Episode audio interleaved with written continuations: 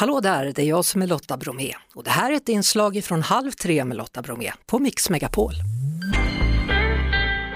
Hallå Cassiopeia! Hallå, Hur är läget?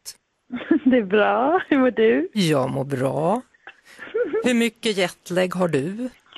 Ja, men en del faktiskt. Det slog liksom det slog till idag. Jag kände mig så himla pigg igår och skröt om att jag har ingen jetlag men sen när jag vaknade i morse så var det som att någon hade slagit till mig i huvudet. Men är det nästan inte liksom svårare att komma från Asien till Sverige än att komma från USA till Sverige?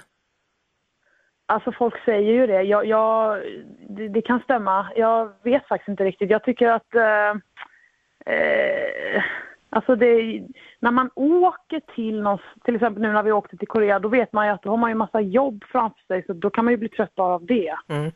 Och sen få, och få åka hem. Uh, ja, och sen skillnaden USA. Ah, ja, jag vet faktiskt inte vad som... Jag tror att det är ganska individuellt. Det tror jag med. Men du, om vi pratar Korea, du säger det var en massa jobb där. Vad har du gjort i Korea? Ja, men jag har skrivit K-pop.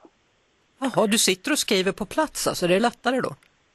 Ja, både och. Nu har man ju jobbat eh, online under pandemin.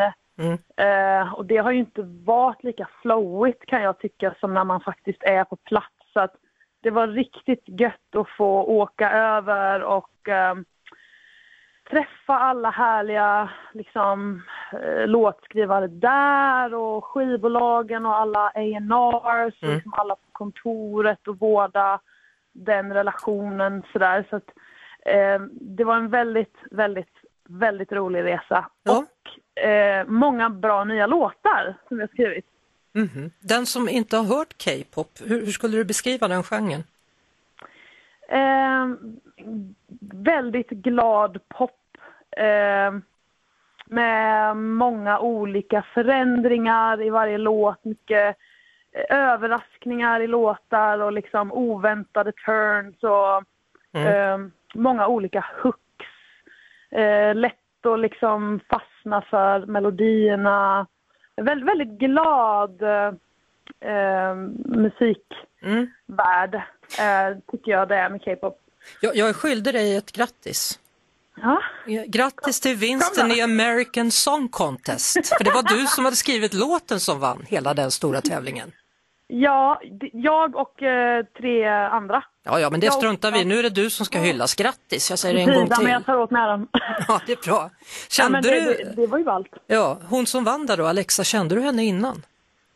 Ja, det, det gjorde jag. Vi har skrivit till henne innan faktiskt. Eh, och så. Och även eh, nu i Korea så var vi ute och eh, åt och firade och skålade. Mm. Sådär. Hon är ju halvamerikan, halvkorean så att eh, nu var hon i Korea då, samtidigt som oss. Så vi hade en riktig eh, rackabajsa-kväll mm -hmm. och firade den här vinsten. Så det var himla kul. Ja, när man hör sådana saker, eh, rackabajsa-kväll och man vet att du liksom som människa är en symfoni av färger, då känner man kom hit om en vecka så får vi snacka ja. mer.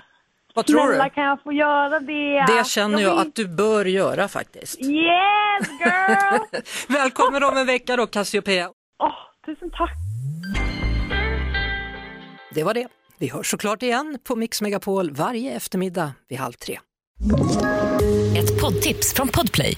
I podden Något Kaiko garanterar östgötarna Brutti och jag, Davva, dig en stor dos skratt. Där följer jag pladask för köttätandet igen. Man är lite som en jävla vampyr. Man har fått lite blodsmak och då måste man ha mer. Udda spaningar, fängslande anekdoter och en och annan arg rant. Jag måste ha mitt kaffe på morgonen för annars är jag ingen trevlig människa. Då är du ingen trevlig människa, punkt. Något kajko, hör du på podplay. Därför är gardinerna.